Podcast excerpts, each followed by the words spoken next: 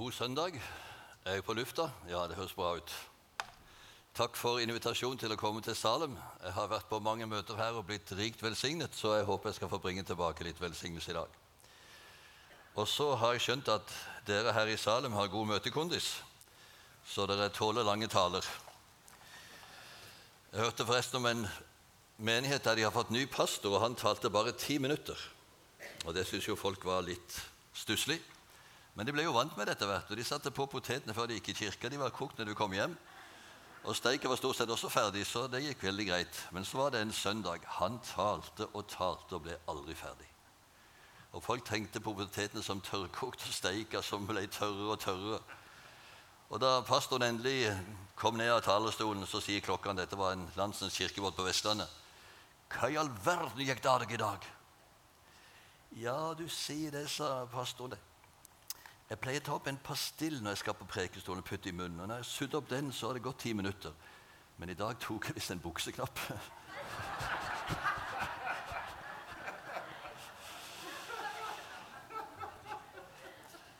Hvis noen mistenker meg for bukseknapp, så er det feil. Men har dere fått ut denne disposisjonen? Har dere fått den? Jo, flott. Og Da kan dere velge om dere vil følge med, eller uh, ta den frem når dere kommer hjem. Jeg har lært at folk glemmer 90% innen to døgn. Så nå har dere mulighet for å huske litt, iallfall. Og så er det noen som har glede av å se når det nærmer seg slutten, så det er jo også en glede. Og en ting til. Jeg hadde en dårlig natt i natt, så jeg frykta en stund for at det skulle gå med meg som han predikanten som drømte at han sto og preka, og så våkna han, og så var det han gjorde. Så derfor så får dere sitte i bønn litt ekstra om at det som skal frem, må komme frem. Nå begynner vi. Vi har nettopp feira pinse. Og pinse forbinder vi gjerne med liv og overflod, kjærlighet og kraft, strømmer av levende vann, tunger av ild. Men helt ærlig, hvordan opplever du kristelivet for tiden? Kjenner du på en indre glede, en fred, en takknemlighet over å få være et Guds barn? Eller opplever du det hele som tungt og tomt og trøtt? Gleder du deg over å være sammen med Guds folk og gå på møter og gudstjenester, eller har det blitt bare et pliktløp? Er det en trang hos deg til å lese Guds ord, til å trenge dypere ned i det, til å være sammen med Guds folk i bønn, i lovsang? Eller ligger Bibelen og samler støv? Kjenner du en nød på å dele med andre det du har sett og hørt, eller er du temmelig likegyldig om mennesket går fortapt eller ikke? Ikke misforstå meg. Kristelivet det er ikke bare herlighet og glede. Det innebærer kamp og motgang. Det kan komme trengsel og tørketider. Vi deler de samme problemene som de fleste mennesker i verden. Men vi har fått en mulighet til å seire over synd. Til å takke Gud midt i trengselen, til å synge lovsang i lenker, enten det nå er fysisk eller i overført betydning. Og hvordan er det mulig? Svaret er bli fylt av Ånden. Bli fylt av Ånden. Og Nå har jeg lyst til å lese et avsnitt fra Efesene 5, og jeg begynner allerede i vers 8 for å få sammenhengen. Efesene 5 fra vers 8. En gang var dere selv mørke, men nå, i Herren, er dere lys. Lev da som lysets barn. Lysets frukt er all godhet, rettferd og sannhet. Prøv hva som er til glede for Herren. Ta ikke del i mørkets gjerninger, for de bærer ingen frukt. Avslør dem heller. Det som slike folk driver med i det skjulte, er en skam bare å nevne. Men alt kommer for dagen når det blir avslørt av lyset. Og alt som kommer for dagen, er lys. Derfor heter det:" Våkn opp, du som sover. Stå opp fra de døde, og Kristus skal lyse for deg. Pass derfor nøye på hvordan dere lever, ikke som ukloke mennesker, men som kloke, så dere bruker den dyrebare tiden godt, for dagen er onde. Vær ikke uforstandige, men forstå hva som er Herrens vilje. Der kunne gjerne stått kolon. Drikk dere ikke fulle på vin. Det fører til utskeielse. Bli heller fylt av Ånden, og syng sammen. La salmer, hymner åndelige sanger lyde. Syng og spill av hjertet for Herren. Takk alltid Gud, vår Far, for alltid vår Herre Jesu Kristi navn. Vær hverandre underordnet i ærefrykt for Kristus. Hva betyr det å bli fylt av Ånden? Ja, husk at Paulus skriver denne oppfordringen til en menighet som var blitt merket med et seil Den hellige ånd som var lovt dem. De var døpt til Kristus, de hadde fått Den hellige ånds gave. De var født på ny, de var blitt Guds barn. Og Det går ikke an å bli fylt av Ånden hvis du ikke er født av Ånden. Og her kommer altså kristendommen med et budskap som er helt enestående for kristendommen, til forskjell fra alle andre religioner. For de lærer at skal du oppnå salighet, enten det nå kalles paradis eller nirvana, eller hva det måtte være, så må du selv gjøre en innsats. Det er din levemåte det kommer an på, og du kan aldri være sikker på om du er god nok. Men Jesus Kristus han kommer med et tilbud om et helt nytt liv. Det var dette han sa til Nikodemus. Sannelig, sannelig, jeg sier deg, ingen kan se Guds rike hvis han ikke blir født på ny. Det begynner ikke med levemåte, det begynner med et nytt liv. Som i sin tur vil gi seg utslag i en ny levemåte. Men vi må ikke snu faktorenes orden her. Og dette nye livet det får vi del i når vi inviterer Jesus inn i våre liv som vår frelser og Herre. Da kommer han inn, da tar han bolig i oss ved sin Hellige Ånd. Jeg har møtt noen som kaller seg kristne, men de har aldri fått del i dette livet. Det hele ble en livsstil, en levemåte, men de var aldri født på ny. Og Da er det ikke rart om deres kristen, selvvalgte og selvlagede kristenliv blir temmelig tungt. De sliter i egen kraft. Selve uttrykket 'å bli fylt av' betyr egentlig å bli behersket av. Og Sammenligningen med alkohol er i grunn treffende. Den som er full eller fylt av vin, han er behersket av alkoholen. Det fører til utskeielse. Den som er fylt av Ånden, er behersket av Ånden. Og vi skal snart se hva det fører til. En ting til. Denne formaningen den er holdt i presens imperativ passiv flertall. Og det syns jeg er ganske oppbyggelig. For det første fordi presens på gresk uttrykker det som ikke avslutter. Så vi kunne godt oversette 'bli fylt' og 'bli stadig på nytt fylt av Guds ånd'. Det betyr svært lite om du hadde en eller annen åndsopplevelse en gang i 2002 eller 2010 der du ble fylt av Guds ånd, men ikke er det i dag. Bli fylt og stadig på nytt fylt. Også imperativ. Det er bydeformen. Det er en ordre. Det er Guds vilje. Det er ikke et tips til en forandring i hverdagen eller en forandring i forsamlingens program. Nei, det er Guds vilje. Og For det tredje så er det flertall. Det betyr det er for alle kristne. Ikke bare for noen få utvalgt spesielt religiøst interesserte. Og så er det passiv. Det er noe som må skje med oss. Jeg skal komme tilbake til hvordan det kan skje. Og For de fleste så tror jeg at dette skjer som en gradvis prosess. Det har vi eksempler på i Apostlenes gjerninger. Der brukes verbalformen imperfektum, eller preteritum, som det nå heter, av verbet fylle. F.eks. i apostelgjerningen 1352. Disiplene ble fylt av glede og Den hellige ånd. Og imperfektum på gresk uttrykker det som skjedde over tid i fortiden. Over tid så ble de fylt av Guds ånd. Men for andre kan det også skje med sterke, markerte opplevelser. Og Det har vi flere eksempler på i apostlenes gjerninger. Og Da er det brukt en verbalform som vi ikke har på norsk. Den heter aurist. Og Den uttrykker det som skjedde momentant, plutselig, i fortid. Disiplene de ble auristfylt på pinsedag. Bang! Da kom Den hellige ånd som tunger av ild. Og så står det ganske kort tid etterpå Peter blir fremstilt for Det høye rådet etter at han har helbredet en som hadde sittet i fengselsporten og tigget. Han var lam ifra fødselen av. Nå var han 40 år gammel. Og Peter helbreder han, han står opp og danser og jubler. Og så blir de innkalt for Det høye råd. Og Peter, som tidligere hadde stått overfor en tjenestepike og bannet på at han ikke kjente Jesus, han står nå foran 72 av Israels ledende eldste, og så sier han, 'Han som dere korsfestet, har Gud oppreist fra de døde.' Vi er vitner om dette. Og så forkynner han videre, 'Det finnes ikke frelse i noen annen.' For under himmelen er det ikke gitt mennesket noe annet navn som vi kan bli frelst med. Peter fylte Den hellige ånd. Og Da forfølgelsen satt inn mot de unge kristne, da kom de sammen for å be. Og da ble de alle auristfylt av Den hellige ånd og talte Gud som en frimodighet. Og Leser vi videre utover, så ser vi at når Paulus kommer til Kypros på sin første misjonsreise, så er det en trollmann som heter Bar Jesus, og som prøver å hindre det i verket. Da blir Paulus fylt av Den hellige ånd. Og så sier han du skal ikke se lyset. og så blir trollmannen blind. Fylt av Den hellige ånd. Bang, bang, bang. Og jeg tror det er denne markerte opplevelsen som en del kaller for åndsdåp, eller å døpes med ånden. Og Førstegangs opplevelse kan være livsforvandlende.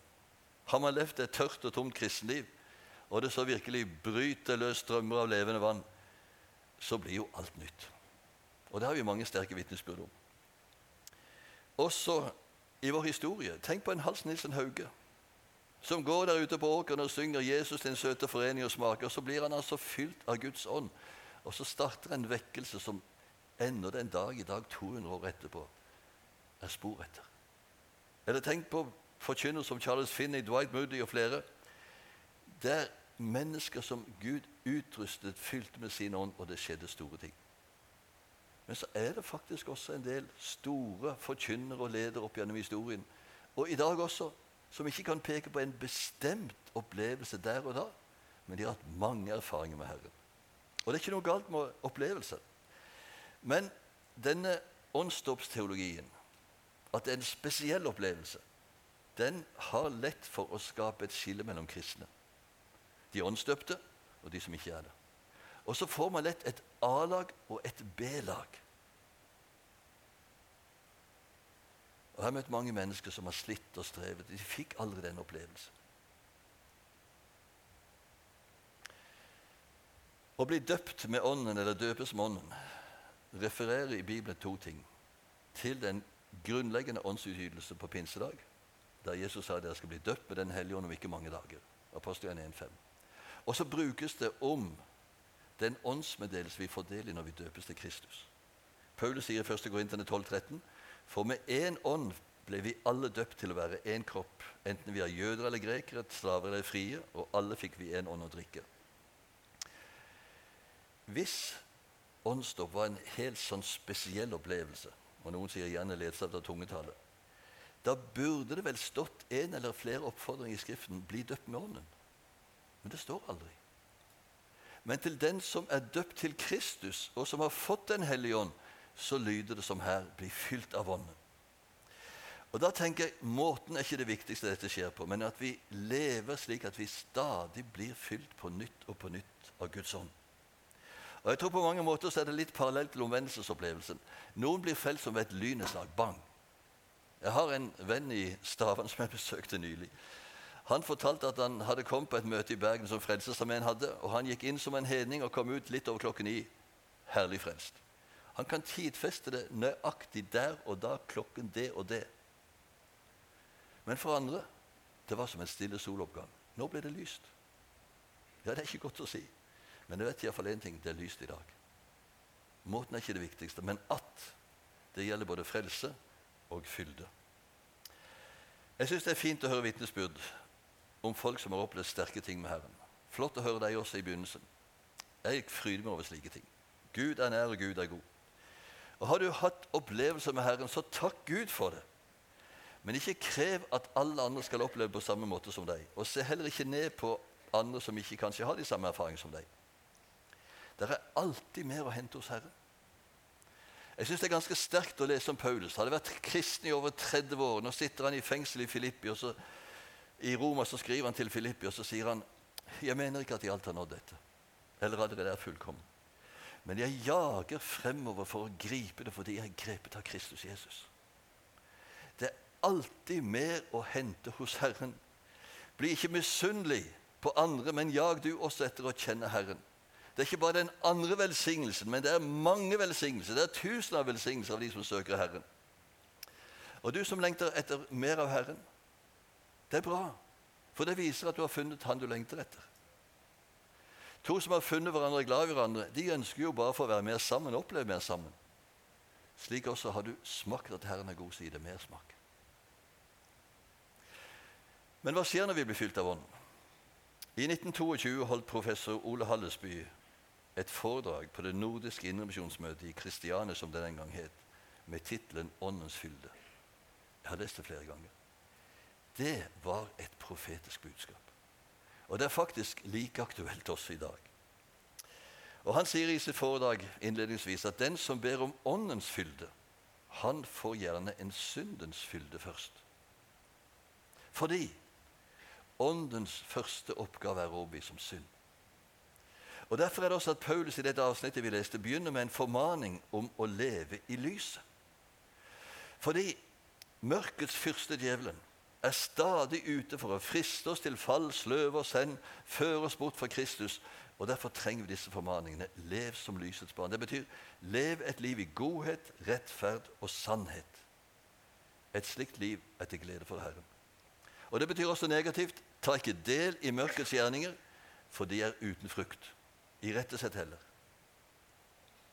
Vi som har fått livet ved Ånden, som er født på ny Hvis vi ikke tar det så nøye med det livet vi lever, så sløves vi hen. Og da kan vi rett og slett sovne inn en åndelig søvn. Hva kjennetegner en naturlig søvn? Jo, den som sover, trenger ikke fellesskap. Han trenger heller ikke mat. Og Slik er det faktisk med den åndelige søvnen også. Trenger ikke fellesskap, trenger ikke næring. Holder seg borte fra gudstjenester og møter. Bibelen blir liggende og samle støv. Man orker ikke, man gidder ikke. Og Det tenker jeg, det er et godt kjennetegn på om du har livet i Gud. Hvordan er det med fellesskapsbehovet? Hvordan er det med næringsbehovet? Jeg syns det er ganske dramatisk å lese om menighetslederen i Sardis. Når Herren kommer på besøk, så sier han i navnet er du levende, men du er død. Og Det tror jeg er den farligste situasjonen en person kan komme i. Å tro at den fred man føler i sitt indre, den er et fred evangeliet gir, og så er det dødens stillhet. Og Derfor lyder det Våkn opp, du som sover. Stå opp fra de døde, og Kristus skal lyse for deg. La meg presisere. Enhver kristen kan falle i synd. Og det skjer dessverre stadig, for vi har fortsatt vår syndenatur. Men det som hindrer Ånden i å forfylle oss, er hva vi gjør når vi har falt. Hvis du bagatelliserer eller bortforklarer eller skylder på omstendighetene og ikke vil gjøre opp din synd verken med Gud eller mennesker, da er det nytteløst å be om å bli fylt. Det er hull i bunnen i livet ditt. Men vil du komme til Han som er lys, og legge alt fremfor Han, da blir også ditt liv lys. Herren Jesus tilgi det gale vi har gjort. Ingen synd er så stor at Guds nåde ikke er større. Ingen liv er så ødelagt at ikke Gud kan begynne på nytt om han får lov. Han tilgir synden når vi bekjenner den, og det står han renser oss for all urett. Ja, han ser faktisk på oss i Kristus som om vi aldri hadde syndet. Hvor er mørket fra i natt? Det forsvant når lyset kom. Og slik er det. Lyset fordriver mørket. Jesu liv, Jesu lys fordriver også syndens mørke. Og i dette åpne, oppgjorte forholdet er betingelsen til stede for å kunne bli fylt av Ånden. Og Så nevner Paulus i teksten vår flere følger, tre følger av å bli fylt av Ånden. Lovsang, takknemlighet og underordning. Si framfor hverandre salmer og hymner åndelige sanger. Syng og spill av hjertet for Herren, står det i vers 19. Samtidig som Åndens fylde fører oss nærmere Jesus, så føres vi også nærmere hverandre. Der taler vi med hverandre, og der synger vi for hverandre om Jesus. Og Det er det vi kaller for sakramental lovsang. Et sakrament det er et nådemiddel. Vi formidler Guds nåde, Guds ord, gjennom at vi synger for hverandre. Gjør hans gjerninger kjent blant folkene, forkynn at hans navn er opphøyd, står det i Jesajas 12,4. En åndsfylt menighet er en syngende menighet. Vi synger for hverandre. Hva er forskjell på salmer og hymner og åndelige sanger? Det er ikke så godt å si, men muligens så går salmer på Davids salmer. I synagogegudstjenesten der sang man vekselvis Davids salmer for hverandre. Og Det var en tradisjon som urkirken også tok med seg.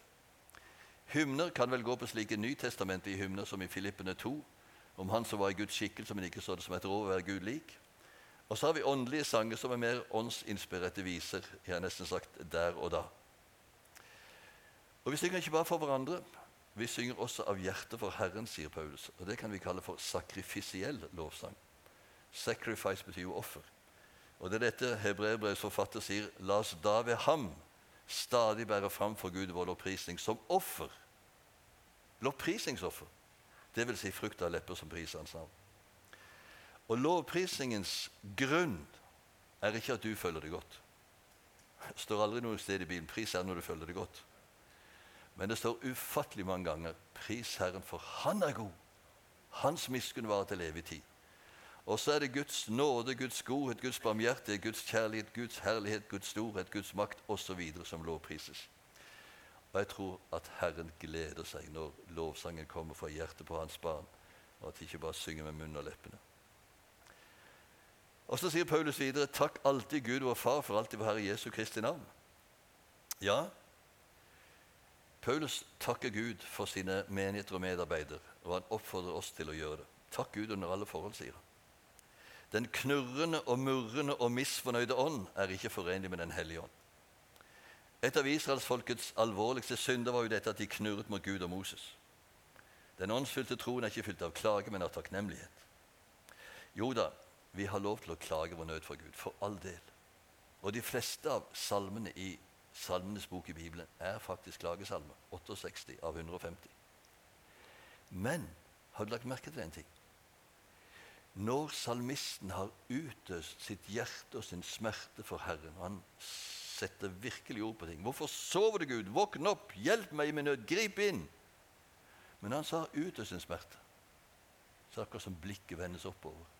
Hvem er det jeg ber til, egentlig? Jo, han som har all makt i himmel og på jord. Og så snur ofte salmen over til lovprisen og tilbedelse. Og takkebønnen og lovprisning hjelper oss å flytte blikket fra problemene hen på problemløse, som ingenting er umulig for. Ja, men skal vi, skal vi takke Gud for alle ting? Ja, vi må ta med siste ledd også. I vår Herre Jesu navn. Og Denne preposisjonen i er veldig liten, men den er veldig betydningsfull. For den betyr to ting. Den betyr i samfunn med og i samsvar med. Hvis du lever i samfunn med Jesus og i samsvar med hans vilje, så kan du takke for alt som møter deg. For Gud lar ingenting passere inn til deg som ikke har vært om Jesus først. Og så har han makt til å vende også det vonde til det gode. Jeg syns Paulus og Silas demonstrerte dette så flott da de var blitt fengslet i Filippi. Der satt de i det innerste fangehull med blodige, forslåtte rygger. Hva gjorde de da? Jo, Det står i Apostelgjerne 16,25. Ved midnattstid holdt Paulus og Silas bønn og sang lovsanger til Gud. Og så vet dere hvordan det gikk. Fangevokteren ble frelst med hele sitt hus. Så hører faktisk vers 21 med til å bli fylt av ånden. De fleste biblene begynner et nytt avsnitt her, men bli fylt av ånden er imperativ. Og så kommer det tre partisipper syngende, takkende, underordnende dere i ærefrykt for Kristus. Så dette hører med. Blir du fylt av Ånden, så er Den hellige ånd en ydmyk ånd. Hans oppgave er først og fremst å herliggjøre Jesus, ikke fremheve seg selv. Og Den som er fylt av Ånden, vil uttrykke noe av den samme mildhet og godhet. Søker ikke å stikke seg frem, men akter de andre høyere enn seg selv. De kappes om å hedre hverandre, som det står i Romene 12.10. Og det er en trivelig kappestrid. Iblant kan man møte mennesker som påstår at de er så åndsfylte, og som opptrer aggressivt, selvsikkert og overlegent. De pukker på sin rett og vilje og vil ikke lytte til andre. Slik virker ikke Guds ånd. Det er forkledd kjødelighet i påtatt åndelighet. Åndens frukt er ydmykhet. Men litt tilbake til Hallesbys foredrag. Han nevner noen følger til av å bli fylt av Ånden. Og Det første han nevner, er seier over syndenaturen. Og Han henviser til Galaterne 5,16.: Jeg sier dere, lev et liv i Ånden. Da følger dere ikke begjær i vår syndige natur. Og I dette verset er ikke faktorene sånn likegyldig, slik som i matematikken. Det er noen som leser som det sto 'Følg ikke begjær i vår syndige natur'. Da lever du et liv i Ånden. Nei, da er du høyde i en god fariser. De kjemper mot syndenaturen, men blir veldig kritiske for dem de som ikke makter til å leve slik som dem. Men ved at vi lever et liv i Ånden, lever et liv sammen med Jesus, lar oss fylle av Hans ånd, så er Hans ånd sterkere enn syndenaturen. For en del år siden reiste jeg med toget fra Oslo til Bergen. Og på Myrdal stasjon, 889 meter over havet, høyeste punkt på Bergensbanen, der måtte vi stanse og vente på lokaltoget fra Flåm. Og Det starter nede ved Flåmsfjorden, null meter over havet, og skal altså opp nesten 900 meter. Det er Norges bratteste jernbane. Og Så satt jeg der i vinduet og så på toget som kom oppover, et lokomotiv med to vogner. Og det tøffet sakte og sikkert oppover. Hvorfor i all verden ramlet ikke toget nedover? Jo, ganske enkelt fordi at lokomotivet var sterkere enn tyngdekraften. Hvis lokomotivet og vognene hadde blitt skilt fra hverandre, så hadde vognene rast nedover og kanskje havnet i fjorden til slutt. Så ble det faktisk en liten preken for meg. Syndeloven, syndens tyngdekraft, er det hele tiden. Men det er en sterkere kraft. Og Paulus beskriver det slik i Roman 8,2.: For åndens lov som gir liv, har i Kristus Jesus gjort meg fri fra syndens og dødens lov. Det er altså en kraft som er sterkere enn syndens tyngdekraft. Det betyr ikke at syndnaturen har mista sin kraft totalt. Langt ifra. Men den som er fylt av Ånden, vet jeg skal ikke kjempe i egen kraft. Jeg kan fly til Jesus, feste blikket på han, ikke på synden, og så be om at Jesus må seire gjennom meg. Men, sier Hallesby, problemet i mange kristne kretser er at egenrådighet, maktbegjær, æresyke, misunnelse og baktale ikke bare er uovervunne synder, de er også ofte uerkjente. Disse syndene vanner Guds navn og hindrer arbeidet i Guds rike. Ånden overbeviser om synd, og Ånden gir faktisk mulighet for å seire over synd. Og Videre nevner Hallesby vi får et nytt åndelig syn. Og Han refererer til Efesen 1,18, der det står måtte han gi deres hjertes øye lys, så dere forstår hvilket håp han har kalt dere til, hvor rik og herlig arven er for de hellige. Vi får et nytt syn på hvem Jesus er, og hva han har gjort for oss. Frelsens ufattelige mysterium blir en stadig kilde til glede. Ja, Jesus blir ikke bare en frelser som døde for oss, men han lever i oss, han er nær oss. Og Den som er fylt av Ånden, kjenner en stille lykke over å ha Jesus som sin venn ved sin side dag og natt, hjemme og ute, i arbeid og hvile, i medgang og motgang. Jesus er ikke et sted langt oppe der ute. Han er her i mitt hjerte, og han er nær ved min side. Og Da blir ikke bønnen bare en oppramsing av ord, men en fortrolig samtale med din aller beste venn. Og Noen ganger er det godt bare å være i stillhet, i hans nærhet. Jesu liv er vårt liv. Og Vi får et nytt lys over ordet, en glede over å lese det og leve etter det. Den hellige ånd som inspirerte dette ordet, han vil opplyse vår fornuft, så vi forstår mer og mer av hvilke skatter som ligger der. Og så får vi et nytt syn for de ufrelste. Vi begynner å se på våre medmennesker med Jesu blikk, med Golgata-brillene. Vi ser at dette er mennesker som Jesus er død for. Jesu nød blir vår nød. Vi ønsker å få flere med på himmelveien, og vi får frimodighet til å tale om det vi har sett og hørt. Og for det syvende nådegavene kommer i funksjon på en sterkere måte. Jeg tror det er Guds vilje at alle de gavene vi leser om i Det nye testamentet, skal være virksomme i menigheten. Litt forskjellig fra menighet til menighet etter hvilke oppgaver vi har.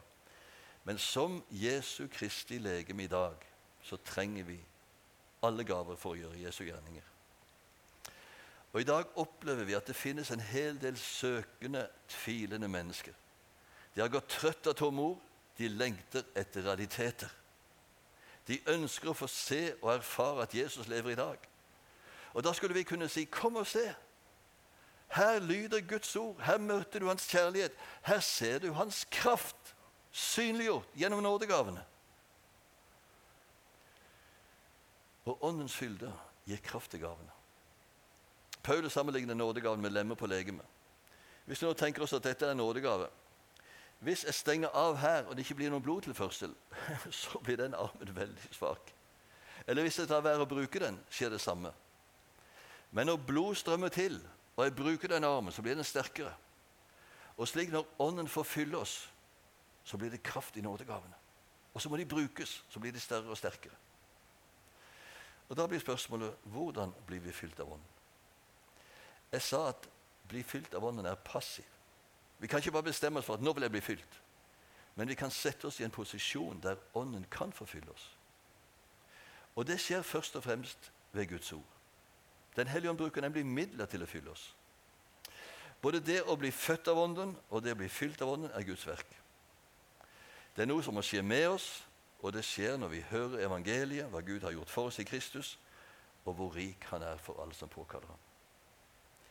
Troen både til å ta imot frelse og fylde skjer ved å høre ordet, ikke strev og mas og jag etter opplevelse. Paulus hadde forkynt evangeliet i Galatia. De hadde kommet til tro ved hans klare evangelium. Men så hadde det kommet noen judaister, som vi kaller dem. og begynte å forkynne at nei, det er ikke nok å tro på Jesus. Dere må også la dere omskjære og holde Moseloven. Og da blir Paulus hellig vred. Og I kapittel 3 skriver han Svar meg nå på én ting, dere uforstandige galatere. Fikk dere ånden av lovgjerninger, eller var det ved å høre og tro? Og svaret er jo innlysende. Det var ved å høre og tro. Men så fortsetter han. Han som gir dere ånden, altså som fyller dere på nytt, og som gjør under blant dere, gjør han det av lovgjerninger eller fordi dere hører budskap og tror? Og svaret er like innlysende. Ved å høre at Guds løfter gjelder for oss, får vi tro til å ta imot det Gud vil gi.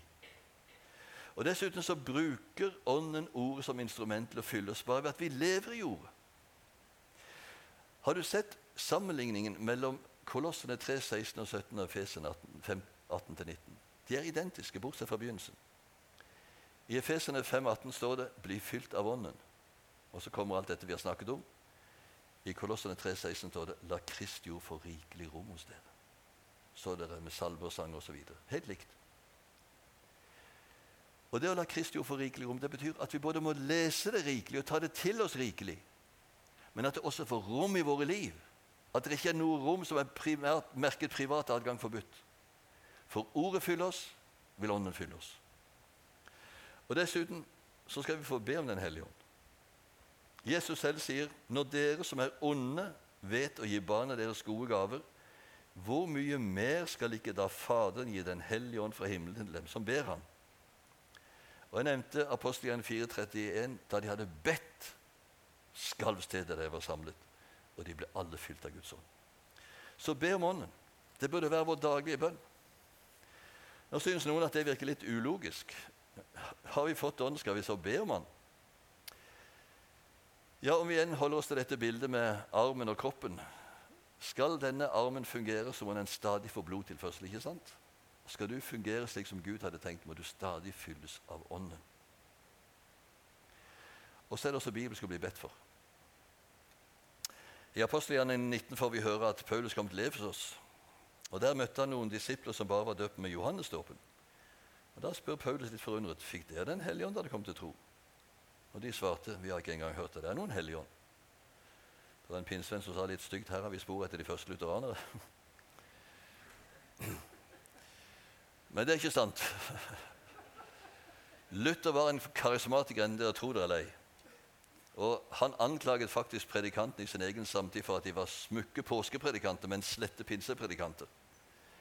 Og Han sier videre for Kristus har ikke bare fortjent oss nåden, men også Den hellige ånds gave, for at vi ikke bare skal ha syndens forlatelse, men også kunne avstå fra synden. Mange forkynner Kristus uten og imot Den hellige ånd fordi de lar folk bli sitt gamle vesen og likevel erklære dem for salige. Det verste av all Kristusfornektelse er dem som forkynner mye om Hans nåde, men intet om Hans nyskapende verk ved Den hellige ånd. Luther hadde syn for Den hellige ånd. Tror du at han kunne gjennomført det han gjorde uten Den hellige ånd? Langt ifra. Men tilbake til Efesos. Der spør Paulus hva slags dåp er dere døpt med. da? Ja, Johannes dåp. Det er nesten som Paulus sier. Det er jo ikke så rart. Johannes døpte til omvendelse.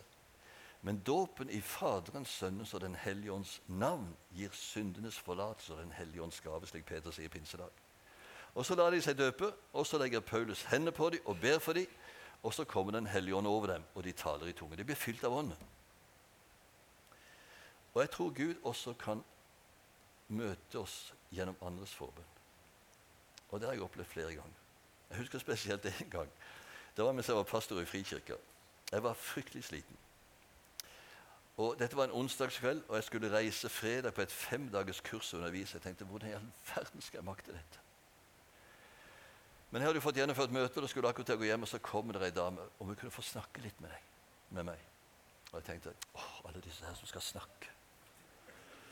Men eh, det sa jo ingenting. Jeg spurte er det veldig viktig, eller kan det være til neste uke. Nei, det er veldig viktig, sa hun. Jeg må få snakke med deg nå. Jeg tok igjen på med den pastorale stemmen og sa ja, får jeg gå inn på mitt kontor. Og Vi gikk inn på kontoret, og jeg gikk rett på sak. Hva var det du hadde på hjertet? Så kom det litt nervøst. Du hadde tydeligvis litt respekt for pastoren. Du skjønner det, sa Gud har minnet meg i hele dag om at jeg skulle be for deg. Kan jeg få lov? Og jeg sa, Gud velsigne deg. Sett i gang.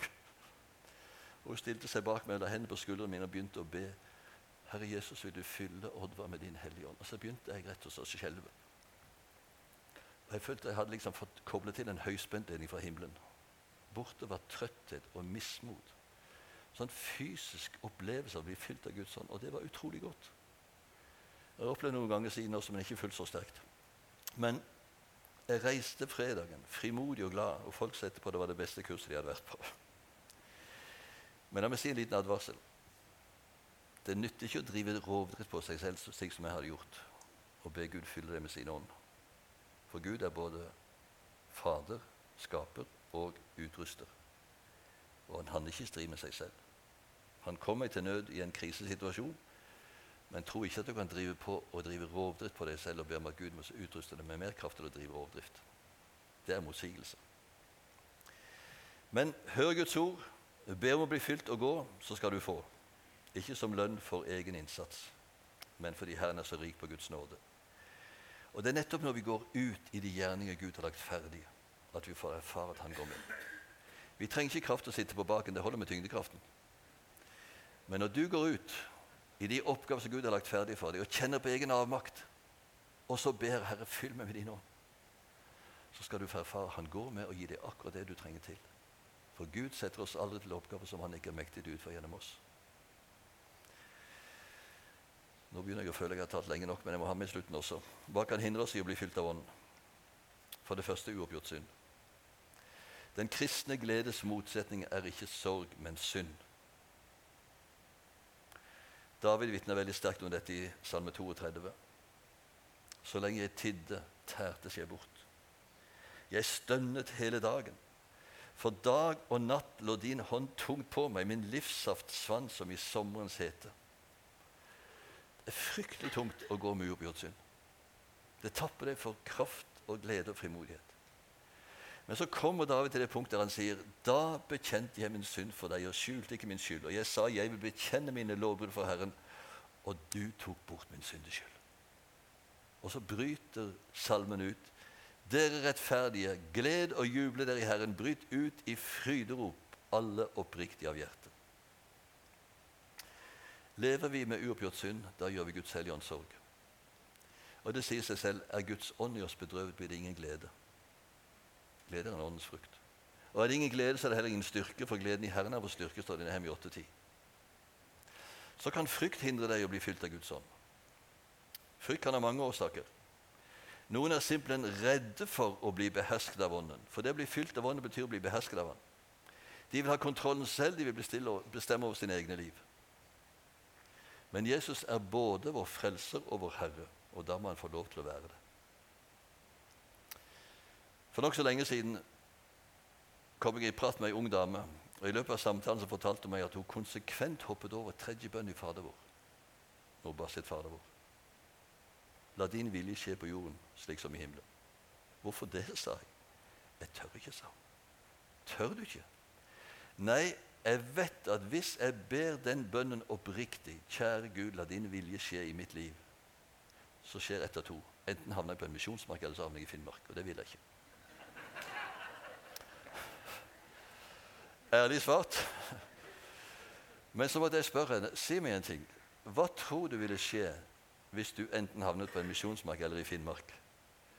Tror du Gud ville si ha-ha, nå lurte jeg deg godt, nå kan du sitte der resten av livet en som var forlatt?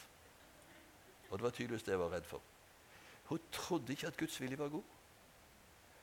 Så måtte jeg si til henne, vet du hva, Herren har fredstanker med deg, ikke tanke til ulykker.' Han vil gi deg fremtid og håp. Og Så siterte jeg også Romen 8, 32. Han som ikke sparte sin egen sønn, men ga han for oss alle. Hvordan skulle han kunne angi oss alle ting med ham? Gud er god. Hans vilje er god.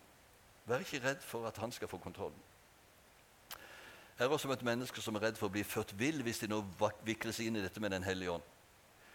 Og det er klart det har skjedd en del usunne ting, ikke minst i forbindelse med en karismatisk fornyelse for en del år siden. Jeg husker da den brøt frem på 70-tallet. Så var det en av de kjente kristne ledere som rykket ut i vårt land og advarte mot dette. Han ville ikke påstå at all tungetale var fra djevelen, men Men det er klart det kan man bli skremt. Men vi må ha større tro til at Gud kan bevare oss enn at djevelen kan bedra oss. Og så kan stolthet hindre. Vi er veldig redde for å vise svakhet, og vi menn vi skal jo absolutt ikke vise tårer. Fra jeg var liten, så ble jeg opplært gutter gråter ikke. Og Fra jeg var 10 til jeg var 27 år, så gråt jeg ikke ei tåre. Men da brøt demningen, og da gråt jeg minst en time. Og siden har jeg hatt lett for å ta til tårer.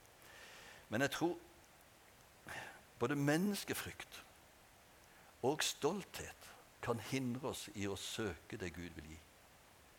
Og Jeg har av og til lurt på når man inviterer frem til forbønn, at det er så få som går frem. Er det menneskefrykt? Ingen må si at jeg trenger forbønn. Eller stolthet. jeg er god nok. Gud står de stolt imot, men de ydmyke gir han nåde. Også tvil. Jeg har møtt mennesker som ja, Gud kan bruke alle andre, men han kan ikke bruke meg iallfall. Jeg er ubrukelig. Jeg har ingenting som kan stille opp med. Hvem er det Gud bruker? Hvem var det Jesus kalte til apostler? Gikk han til fakultetet i Jerusalem og ba Gamali om de beste elevene han hadde? Nei.